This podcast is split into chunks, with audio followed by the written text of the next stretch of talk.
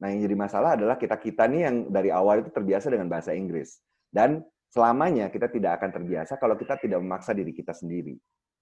Paling contoh, contoh paling gampang, coba ponselnya ada yang menggunakan antarmuka bahasa Indonesia nggak? Ini bahasa Inggris, Pak. Mohon maaf.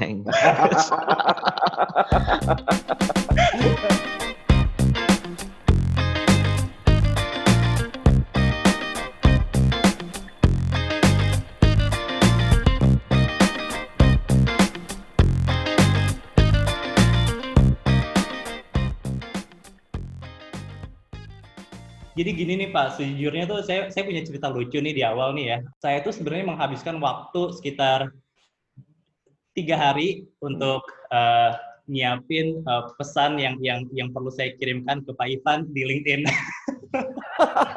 Tuh kan saya bilang.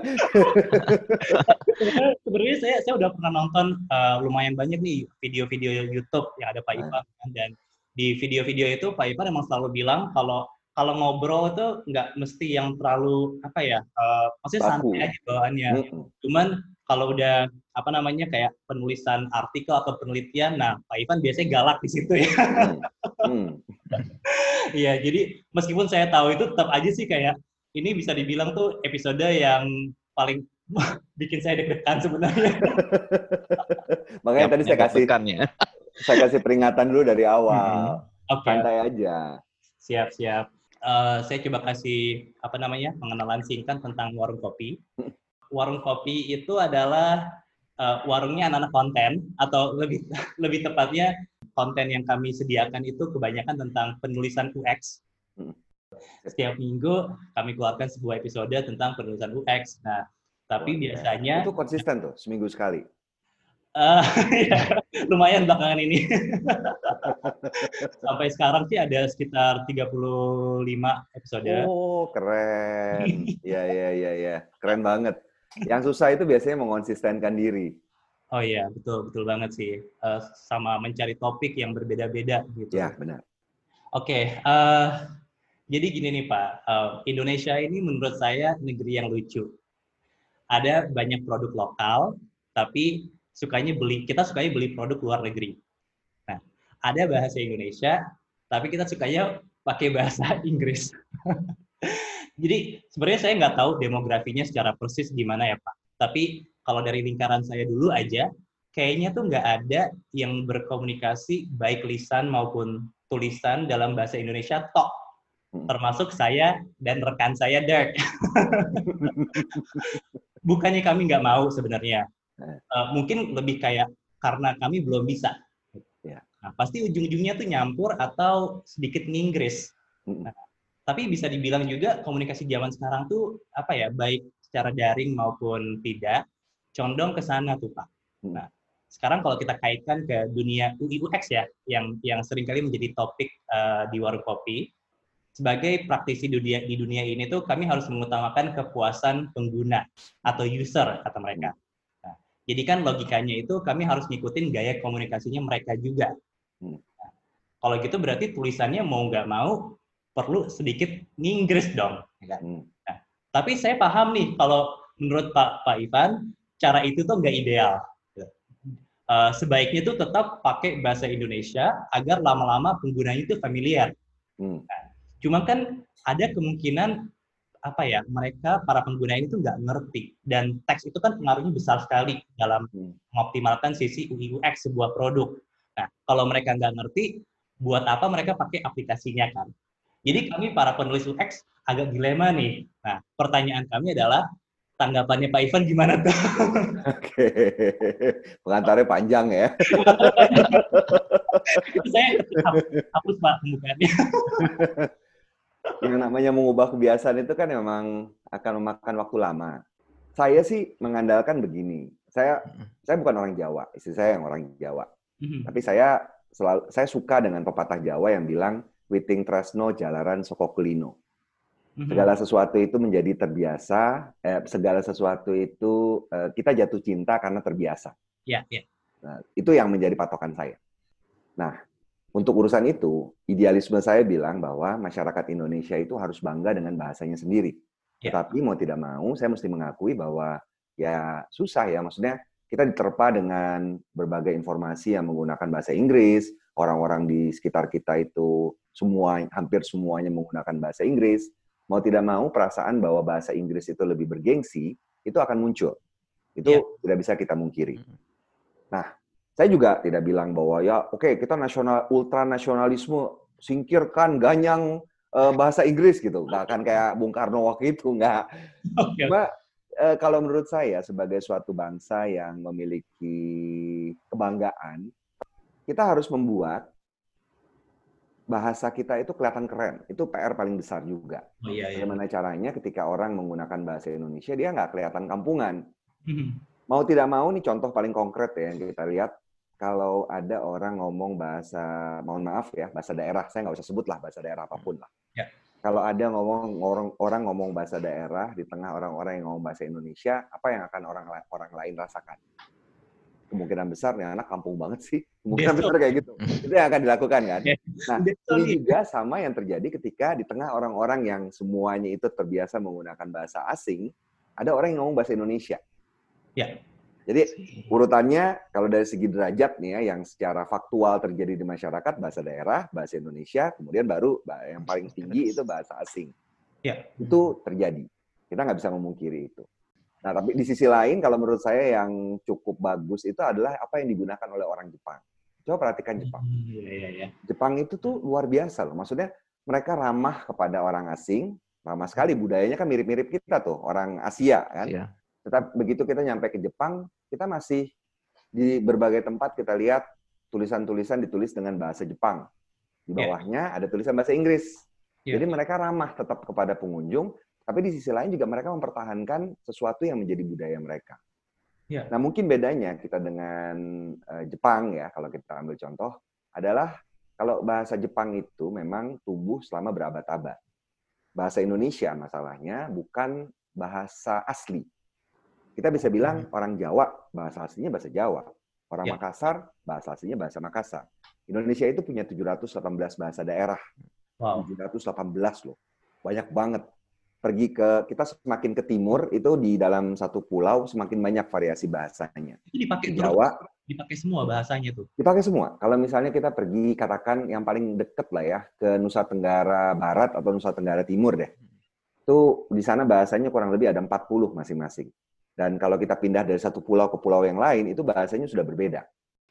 Kalau kita bandingkan sebenarnya ini mirip dengan kejadian di Eropa orang-orang Eropa itu kan juga mereka bahasanya kan berbeda-beda kan. Satu pulau besar tapi bahasanya berbeda-beda. Ya. Misalnya kayak apa ya, yang di perbatasan itu Belgia lah katakan. Ya. Belgia itu perbatasan antara Jerman, Belanda sama Perancis kan. Ya. Orang-orang Belgia itu bisa tiga bahasa itu. Perancis, Jerman sama Belanda. Ya. Ada orang cukup banyak bahkan orang yang poliglot. Mereka bisa tiga-tiganya. Apakah ketika mereka berbicara kita akan seperti orang kita yang kemudian mencampur? Enggak loh. Mereka waktu berbicara bahasa Belanda lancar bahasa Belanda semua. Bahasa Perancis, bahasa Perancis semua. Mereka bisa memilah bagaimana otak mereka bekerja. Kita memisahkan antara bahasa Indonesia dan bahasa Inggris saya susahnya minta ampun. Iya, iya.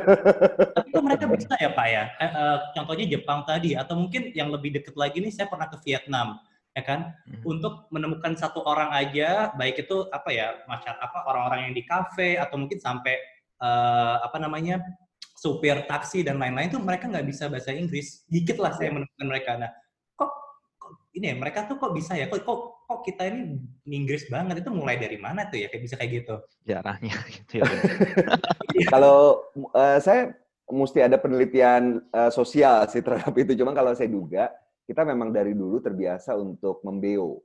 Dulu waktu kita lihat sejarah Sumpah Pemuda aja misalnya ya.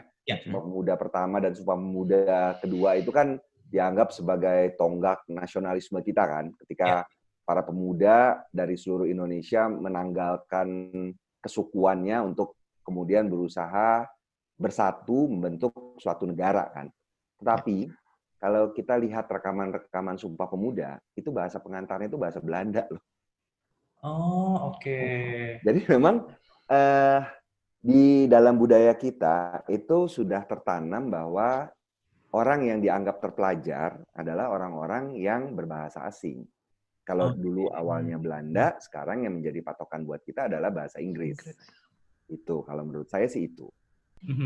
Problem terbesar kita ragam baku, ragam formal bahasa Indonesia dan ragam informal itu bedanya jauh banget. Tidak mungkin saya misalnya menyapa teman saya dengan, Hai kawan, apakah Anda berniat untuk uh, pergi mengopi dengan saya? Enggak. Eh bro, lu mau nggak nongkrong sama gue ntar sore? Kita ngomongnya kayak gitu kan? Ya. Di dunia penulisan UX atau UX writing ini kan uh, lebih pendek itu lebih baik. Kalau penulisannya lebih pendek itu lebih baik. Terlebih kalau kita menulis di dalam aplikasi. Nah, ini tanggapannya Pak Ivan nih gimana nih? Contohnya penggunaan kan menjadi in. Contohnya menggunakan menjadi gunain atau mengembalikan menjadi ngembaliin. Nah, itu tuh muncul di aplikasi. Nah, itu tanggapannya Pak Ivan tuh apakah itu sesuatu yang ya nggak apa-apa juga atau hmm, tetap harus ini deh pakai yang kan gitu biar lebih hmm. Indonesia contohnya. Oke, okay. jadi kalau menurut saya dari paling tidak dari pengalaman saya ya, itu yang menjadi masalah terbesar dari segi bahasa untuk kita pakai di dalam antarmuka pengguna adalah masalah uh, panjangnya sama keambiguan. Uh, kirim, kirim atau kirimkan ya, atau mengirim untuk tombol gitu kan, itu yang sering menjadi permasalahan. Ya. Ini kalau menurut saya lebih kepada karakter bahasa kita kan mesti mengakui bahwa bahasa Indonesia itu memang lebih panjang daripada bahasa Inggris. Hmm. Kalau dilihat dari segi kata aja ya, kata bahasa Indonesia itu rata-rata terdiri atas dua suku kata. Coba kita lihat dari yang sederhana deh. Makan, pergi, tidur. Atau ya, makan, pergi, tidur deh. Uh, kalau dalam bahasa Inggris, eat, go, sleep. Bahasa Inggris satu suku kata, bahasa Indonesia dua suku kata. Itu terjadi hampir dari apa pun. Oh, I see. Itu yang membuat bahasa Inggris kelihatan lebih menggiurkan buat pembuat UI UX karena pendek. Uh, uh, press the button.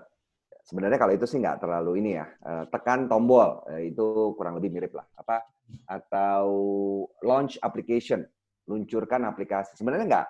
Begitu kita jiwai hmm. sebenarnya perbedaan itu jadi tidak terlalu terasa. Nah, masalah kedua itu adalah karena ketidakbiasaan kita dengan penyusunan kalimat yang efektif. Oke. Okay. Itu juga jadi masalah. Oh, okay. Orang Indonesia itu tidak terlalu terbiasa untuk menyusun kalimat efektif. Kita terlalu hmm. takut bahwa kalimat kita itu terdengar tidak sopan. Kalau kita kembali kepada fungsi bahasa, fungsi bahasa itu ada tiga. Sebagai alat ekspresi, sebagai alat komunikasi, dan sebagai alat sosial. Hmm. hmm. Dalam komponen UI UX, ketiganya itu dipakai kalau menurut saya. Yeah. Ya. Uh, dari segi ekspresi. Ekspresi ini sangat terutama akan sangat membantu di dalam pesan-pesan galat. Error hmm. message. Okay. Error message atau pesan galat ini kan sebenarnya membuat si pengguna itu frustrasi kan. Yeah. Kita harus menciptakan kalimat, memilih kata yang membuat mereka merasa lebih tenang. Yeah. Gitu. Eh, kita tidak bisa hanya memberikan uh, terjadi kesalahan. Apa kesalahannya? Nggak bisa. Gitu. Tambah frustrasi malah. Tambah frustrasi dia kan. Kita harus memberikan solusi. Bahkan dari sesederhana mau masuk log aja. Mau masuk log itu uh, sering kali kan ditemukan uh, uh, masuk log gagal. Apa yang gagal? Salah masukin nama pengguna, salah masukin sandi atau apa? Nah itu iya. itu fungsi ekspresi. Mhm. Fungsi pesan yang kedua komunikasi. Fungsi komunikasi itu adalah bagaimana kita menyampaikan pesan dengan singkat dan jelas. Nah, untuk di dalam hal ini yang menjadi beban kita terutama adalah bagaimana kita bisa membuat bahasa Indonesia itu tidak tampak kasar. Mm-hmm. Itu suatu keterampilan yang mesti dibangun kan. Contoh paling mm-hmm. gampang aja ya. Contoh paling gampang itu sebenarnya bisa kita lakukan dengan menghilangkan tanda seru. Ya. Hmm waktu kita uh, tekan tombol pakai tanda seru dengan tidak pakai tanda seru itu bedanya lumayan loh terasa kan ya. ya. tekan tombol uh, tekan tombol A gitu misalnya nah itu fungsi komunikasi lalu yang terakhir adalah fungsi sosial fungsi sosial ini ada dua sebenarnya yang pertama adalah fungsi untuk bisa mendekatkan diri dengan pengguna fungsi adaptasi dan yang kedua adalah untuk fungsi persuasi fungsi untuk meyakinkan, mendorong. kalau UX itu kan memang lebih luas daripada UI ya. Dulu hmm. zaman saya itu tokohnya itu ini mohon maaf kalau dibilang jadul waktu zaman saya itu Jacob Nielsen yang menjadi patokan saya nggak tahu kalau sekarang siapa sekarang masih oh masih yeah. dulu saya ingat banget uh, bukunya beliau yang saya nabung untuk belinya itu judulnya Web Usability masih web ya ya web web usability dan ya saya senang banget waktu itu baca buku itu nah uh, kembali ke itu tadi fungsi persuasi itu kan bisa kita gunakan untuk untuk ke yang lebih luas. Kalau kita perhatikan sekarang UX yang sangat berperan itu kiriman-kiriman yang meminta orang melakukan sesuatu. Hmm. Yuk daftar yuk misalnya atau atau uh, misalnya sudah daftar dia didorong untuk uh, membeli yang lebih upsell kalau istilah pemasaran itu. Yeah. Membeli yang lebih. Nah, itu yang yang diperlukan. Jadi kalau kita perhatikan sebenarnya esensi dasar kalau menurut saya yang harus dikuasai oleh para praktisi UI dan UX ini hmm. adalah psikologi bahasa tadi. Hmm. Bahwa bahasa itu digunakan untuk tiga fungsi tadi, ekspresi, hmm. Kemudian komunikasi, dan yang terakhir adalah sosial. Hmm. Ya. Nah, dari sini kemudian kita bisa mengatur tuh bagaimana caranya kita membuat kalimat. Kalau di dalam UX sendiri kan memang salah satu yang paling mendasar menurut saya itu adalah kebergantungan terhadap data. Bahasa itu ya, ya. arbitrer. Kita tidak bisa hanya berpendapat menurut kita saja. Kita harus melihat dampaknya seperti apa. Mhm. Tadi misalnya asumsi bahwa oh orang lebih suka lebih suka pakai gunain daripada gunakan. Ya. Kata siapa? Coba tes dulu, ya. tes dulu gitu loh. Ya, ya, ya. ya, artinya gini. Kalau saya sih ya, kalau saya mikirnya dulu waktu zaman kita masih menggunakan aplikasi Microsoft Word, hmm. ya sampai sekarang juga masih ya. Cuma maksudnya hmm. sebelum ada era segala macam aplikasi sekarang menggunakan web, kita sudah banyak menggunakan aplikasi berbasis desktop dan di iya. situ juga ada beberapa aplikasi yang sudah diterjemahkan. Hmm. Saya lihat sih paling tidak kalau dari segi UI, saya dulu terlibat aktif tahun 2007 itu saya membuat ikut dalam suatu organisasi I15N. Itu in, uh, Indona, in, Indonesianization. Wow. Uh, jadi dari akan ada L10N terus ada apa gitu ya. Nah, uh, itu para pegiat di bidang para pegiat Linux yang menerjemahkan antarmuka untuk berbagai aplikasi Linux, game, lalu banyaklah waktu itu. Mhm. Nah, ya ketika itu ya wadah itu waktu itu masih milis, zaman milis ya digunakan untuk berdiskusi. Oh ini padanannya apa ya, ini padanannya apa. Kalau kita lihat sampai sekarang di antara ketiga platform utama, Windows, iOS, dan Linux, itu yang paling banyak menyediakan terjemahan untuk antar mukanya kan Linux kan. Mungkin karena mereka banyak sukarelawan. Nah ketika itu memang masalah terbesar ya menemukan padanan kata untuk menu dengan sederhana dan praktis itu tantangan terbesar. Cari, uh, cari dan ganti. Nah, uh, tapi lama-lama terbiasa. Artinya, saya ambil contoh begini. Banyak teman saya yang punya kantor gitu ya. ya. Lalu sekretarisnya atau pegawainya dia dari awal itu sudah dipasangkan aplikasi Linux, lalu dari awal itu sudah menggunakan antarmuka bahasa Indonesia. Mereka terbiasa banget kok. Oke. Nah, yang jadi masalah adalah kita-kita nih yang dari awal itu terbiasa dengan bahasa Inggris. Dan selamanya kita tidak akan terbiasa kalau kita tidak memaksa diri kita sendiri. Paling contoh, contoh paling gampang, coba ponselnya ada yang menggunakan antarmuka bahasa Indonesia nggak? Ini bahasa Inggris, Pak. Mohon maaf. Saya bilang tadi, jadi hmm. Allah bisa karena biasa itu tidak akan terjadi pada kita ketika kita tidak membiasakan. Oke oke, saya ganti dulu. enggak enggak usah enggak usah. Saya cuma mau menunjukkan bahwa isunya itu kompleks, isunya yeah. kompleks. Ketika hmm. uh, kita berjuang keras ya, berjuang keras, berusaha memerangi diri kita, oke okay, kita mesti menggunakan bahasa Indonesia. Tapi kalau kita sendiri nggak terbiasa, sampai kapan pun kita tidak terbiasa. Tapi Pak Ivan tadi kan ngomongin harus cinta dulu ya, berarti uh, dulu tuh ya Pak Ivan berarti nemu cintanya itu apa tuh Pak? Kalau bisa dijelasin singkat tuh kita sama bahasa Indonesia itu karena apa tuh Pak? Kan dari dunia pemrograman ya waktu itu kan. Hmm. Nah, itu saya sih gara, kayaknya kalau menurut saya saya itu terjebak. gara-gara saya aktif di Wikipedia. Nah, orang Wikipediawan ini itu orang-orang yang garis keras lah kalau menggunakan bahasa. Ya, Dan ya. ketika itu uh, saya ngutak-ngatik Media Wiki. Media Wiki itu aplikasi, aplikasi untuk uh, wiki. Karena terlibat, saya termasuk, ya maksudnya saya suka relawan ikut mengembangkan dan juga saya terlibat dalam pelokalannya. Hmm. Nah, gara-gara itu kan terbiasa kan, saya akhirnya menggunakan media wiki untuk berinteraksi. Terus karena saya pengguna, saya juga ini nggak enak nih uh, terjemahannya dan saya punya akses waktu itu untuk mengubah terjemahan. Saya hmm. pergi ke situsnya, saya terjemah, uh, saya ubah biar lebih luas. Nah, proses itu terjadi berulang-ulang. Tapi ketika itu saya tidak berusaha untuk menggunakan bahasa gaul. Artinya yang saya hmm. lakukan ketika itu pokoknya saya beranggapan bahwa yang akan menggunakan ini orang-orang yang menggunakan bahasa Indonesia formal. Yeah. Saya harus berusaha sebisa saya menggunakan bahasa Indonesia formal tapi tetap lentur. Itu yang saya berusaha lakukan.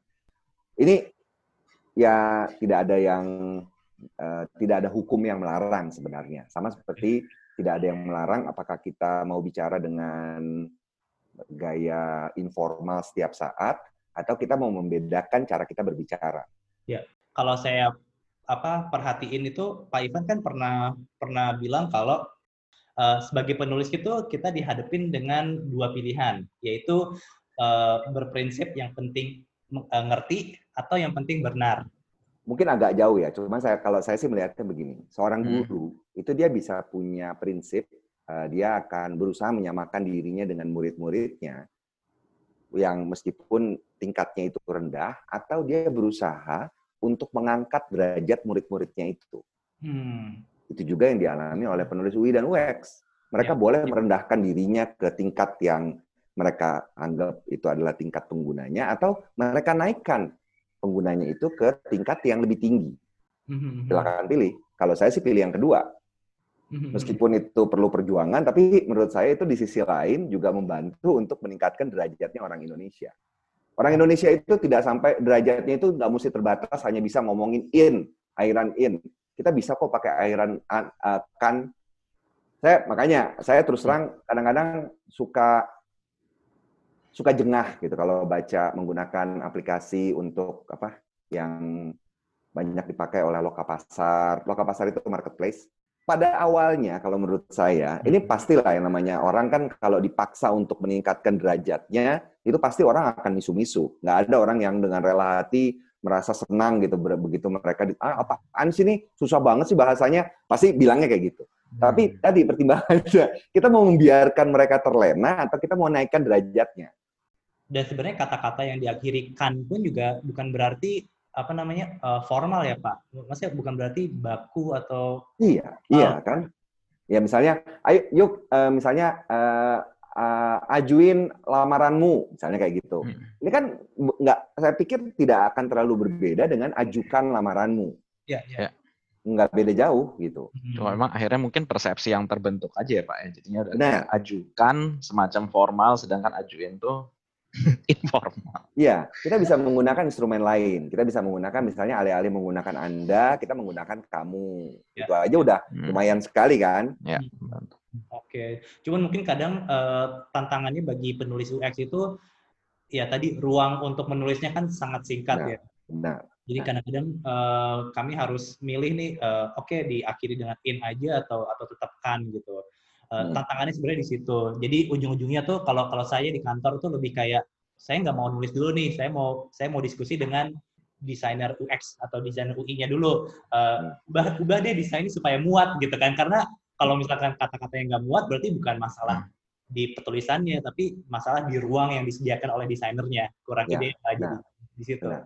yang eh, menjadi pendorong sebenarnya adalah 270 juta penduduk Indonesia mungkin selama ini kita banyak bercerminnya itu kepada orang-orang yang hidup di perkotaan yang pendidikannya cukup tinggi berapa persen orang sih yang menguasai bahasa Inggris kalau di lingkungan sekitar kita mungkin banyak ya mungkin 60 persen katakan Indonesia itu 270 juta penduduk. Saya belum lihat survei BPS yang terakhir, tapi seingat saya itu jumlah penduduk Indonesia yang tahu ya, dalam tanda petik tahu, sekadar tahu, itu cuma sekitar 10 persen bahasa Inggris. Oh, Jadi Inggris. yang kita ya tidak sehebat yang kita pikir. Gak semua orang itu paham bahasa Inggris. Kalau kita hmm. mencampur bahasa Inggris. Makanya menurut saya kenapa sampai sekarang banyak perusahaan itu ketika penulis UI UX ya kan sebenarnya gampang aja kan. Kenapa sih para perusahaan asing itu kayak Google, Facebook itu mm-hmm. menyewa penerjemah untuk menerjemahkan antar muka mereka. Karena memang pasar Indonesia itu masih sangat terbuka untuk orang-orang yang menggunakan bahasa Indonesia. Jadi yang Inggrisnya justru tadi 10% doang ya Pak ya? Kebetulan mungkin karena yang, kita yang, tinggal di artinya di kota besar ya, mungkin di Jakarta ya, jadi kelihatannya nah, banyak, banyak friend ini. Nah, itu masalahnya. Sementara kan okay. begitu menyasar Indonesia, pengguna hmm. aplikasi itu kan banyak sekali kan. Justru mungkin pengguna aplikasi yang kita tuju itu justru lebih banyak yang tidak paham bahasa Inggris. Hmm. Makanya kebanyakan orang uh, dari perusahaan-perusahaan yang kemudian beroperasi di Indonesia, tetap mereka akan berusaha menggunakan antarmukanya bahasa Indonesia. Betul ya. nggak? Ya, betul. Hmm. Kenapa? Sebenarnya kalau misalnya kita mengambil prinsip ya udahlah pakai bahasa Inggris saja, harusnya perusahaan-perusahaan ini bakal udah ada yang daripada dari mereka susah, udah bahasa Inggris saja. Ya. Itu yang pertama, pilihan antara bahasa Inggris dan bahasa Indonesia. Di situ sudah kelihatan. Lalu pilihan antara bahasa yang eh, bahasa sehari-hari dengan bahasa formal. Kalau ini masalah penghargaan kita terhadap tingkat pendidikan kita, itu memang mesti diakui. Uh, dari segi uh, orang Indonesia, kebanyakan ya mungkin pendidikannya memang belum tinggi, makanya berusaha diturunkan derajatnya. Tapi hmm. bukan berarti sebenarnya mereka juga tidak paham bahasa Indonesia yang lebih formal kan. Ini ya, masalah kebiasaan aja. Yang yang yang makin tinggi pendidikannya malah makin Inggris nih pak. ya jadi susah ya maksudnya ya, begitu. Susahnya itu mau nyasar yang mana sebenarnya. Jadi saya pikir sih ini belum tidak bisa ada solusi yang cepat. Pasti ada kan ada selalu pasti selalu akan ada uh, dua sisi. Yang jelas kalau saya perhatikan bahwa kita mesti menggunakan bahasa Indonesia itu sudah dipahami oleh kebanyakan orang yeah. di dalam dunia UX ya. Yeah. Saya belum melihat aplikasi yang semua uh, dibuat untuk orang Indonesia semuanya pakai bahasa Inggris. Sedikit Inggris ya. Sebenarnya itu kan secara demografi tadi kecil banget ya padahal persentasenya di Indonesia. Nah berarti kalau saya apa ya kalau saya duga ini mungkin karena ini ya kebanyakan penulis UX itu berdomisili di Jakarta. Jadinya masih banyak kan di Jakarta tuh banyak banget penulis UX nih. Uh, dan kalau saya lihat di LinkedIn pun uh, lowongan-lowongan itu kebanyakan untuk perusahaan di Jakarta. Ada sih di Bandung, di Jogja juga ada. Cuman uh, mereka ini berarti termasuk saya ya berdomisili di Jakarta. Jadi hmm. apa namanya pemikirannya ah rata-rata nginggris semua kok jadi nggak apa-apa deh. Padahal nggak kayak gitu ya Pak ya. Iya, Wah, ya, kayak gitu. Terima kasih loh. Berarti datanya tadi data cukup cukup baru Pak atau udah lama itu Pak? Uh, ini kan BPS baru mengeluarkan lagi data ya. 2020 ini kan mereka baru melakukan survei kemarin tuh 2020. Hmm. Coba deh lihat. Saya nggak tahu apakah mereka tahun ini itu juga ada survei masalah bahasa, tapi mudah-mudahan ini bisa membawa pencerahan bagi kita. Oke, oke. Oke, Pak. Um, ini apa ya bertanya sedikit uh, tentang KBBI kita nih, Pak. Hmm. Jadi kan tadi uh, ngomongin sedikit Inggris ya saya tuh beberapa waktu yang lalu cukup terkejut ketika saya menemukan lumayan banyak istilah dalam bahasa Inggris yang ada di KBBI juga. Contohnya order, kalau nggak salah ya, order tuh ada kan ya bahasa bahasa Indonesia juga sama apa tuh ya? Entah saya sempat nyatet di sini deh. Platform itu juga ada, rating itu juga ada. Itu ceritanya gimana ya Pak? Bisa muncul di KBBI itu Pak? Kita akan secara alamiah bisa tahu kata mana yang mudah dilafalkan oleh orang Indonesia dan mana yang tidak. Coba deh, kalau tanpa kita tahu bahwa asalnya dari mana, kalau kita bilang order, itu buat kita mudah nggak diucapkan oleh orang Indonesia? Mudah kan? Iya, mudah. Order, ya, gampang. Ya. Yang susah buat kita adalah hooks. Hooks? Itu susah. Hoax. Oh oke okay, oke. Okay. Nah itu kan orang Inggris kan lafalinnya kan hooks kan, ya, ya. bukan OA-nya itu menjadi U kan. Hmm. Nah itu susah. Jadi ketika kita menemukan kata dalam bahasa Inggris yang untuk diucapkan oleh kita cukup mudah, kebanyakan itu kita bisa serap bulat-bulat. Paling terjadi pengubahan dari sisi ejaan atau pelafalan. Okay. Itulah yang menyebabkan banyak kasta ya tadi kan dibilang oleh Mas Edwin kok banyak kata bahasa asing yang diserap dalam bahasa Indonesia. Iya. KBBI itu merekam apa yang digunakan oleh masyarakat. KBBI itu kan nggak bisa dia berdiri sendiri terus masyarakatnya diabaikan. KBBI itu sebenarnya merekam. Fungsi kamus itu hanya merekam apa yang dipakai oleh masyarakat. Nah, hmm. masyarakat pakai order, masyarakat pakai platform. Kemudian sekarang dulu kita pakainya tujuan wisata. Sekarang orang-orang pakainya destinasi wisata. Ya. Mau tidak mau KBBI mesti mengikuti. Yang bisa dilakukan adalah memastikan bahwa kata-kata yang kita serap, itu namanya penyerapan, yang kata-kata yang kita serap itu cukup sesuai dengan uh, pola pengucapan atau pola penulisan kata dalam bahasa Indonesia. Oke. Tadi Pak Ivan sempat menyebutkan bahwa memang orang Indonesia itu lumayan sulit ya untuk membuat sebuah kalimat efektif. Saya rasa ini sih nggak cuma penulis UX aja, tapi mungkin juga penulis secara secara umum itu juga memang kadang sulit untuk membuat kalimat efektif. Sebenarnya ini mungkin kalau dari penglihatan Pak Ivan itu itu apakah karena memang budaya yang menuntut kita untuk selalu lebih sopan, jadi mungkin takut untuk buat kalimat yang terkesan lebih efektif tapi suaranya kurang sopan, atau mungkin karena memang kurang latihan aja gitu. Hmm. Saya pikir ada beberapa faktor. Hmm. Yang pertama mungkin yang paling dasar ya kalau saya lihat hmm. kita itu merupakan peralihan dari masyarakat hmm. lisan kepada masyarakat tulisan. Oh. Hmm. Kita budaya kita itu terbiasanya lisan. Makanya pengaruh bahasa lisan itu sangat besar buat kita. Bahasa lisan, iya ya. Bahasa. Ya, pengaruh bahasa lisan. Coba aja perhatikan, waktu kita menulis hmm. itu banyak kita itu terpengaruh bahasa lisan.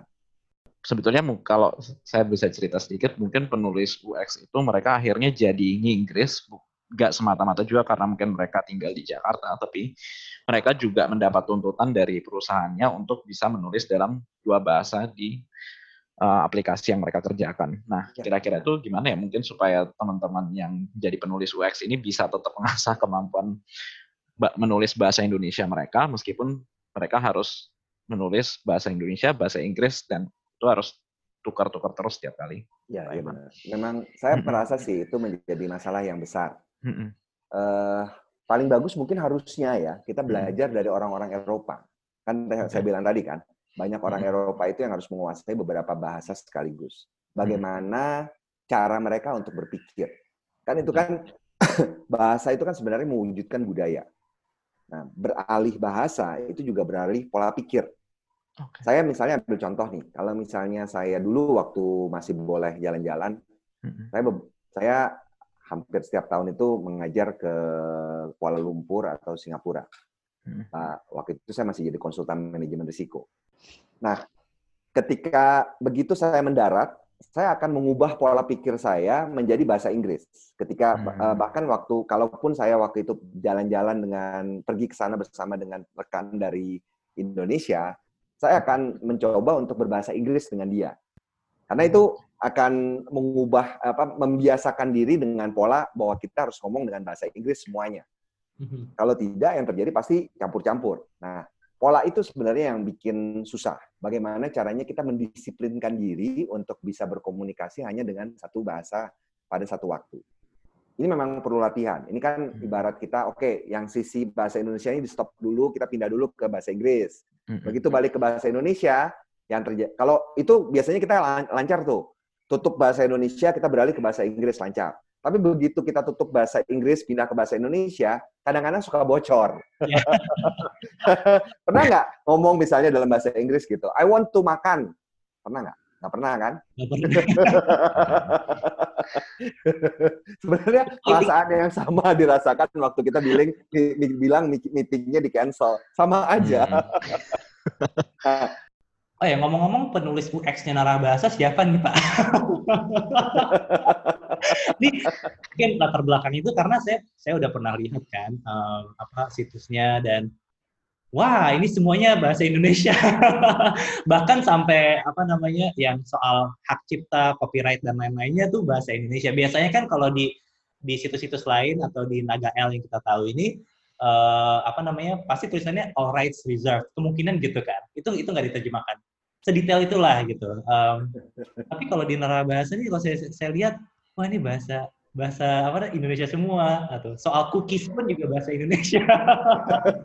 itu ada penulis UX-nya atau atau apa atau atau enggak ada tuh Pak? Atau merangkap itu situ? Kami punya tim digital, saling mengawasi aja. Artinya ketika menemukan ada yang belum sempat diterjemahkan kan kita pasti menggunakan template juga dari bahasa Inggris kan hmm. karena apa yang kalau kita pakai eh, kalau di platform WordPress itu kan pakainya tema, tim. Nah, ya. temanya kita pasti dari luar, terus kemudian kita mesti menerjemahkan. Nah, paling kalau ada yang kelewatan itu kami ganti gitu.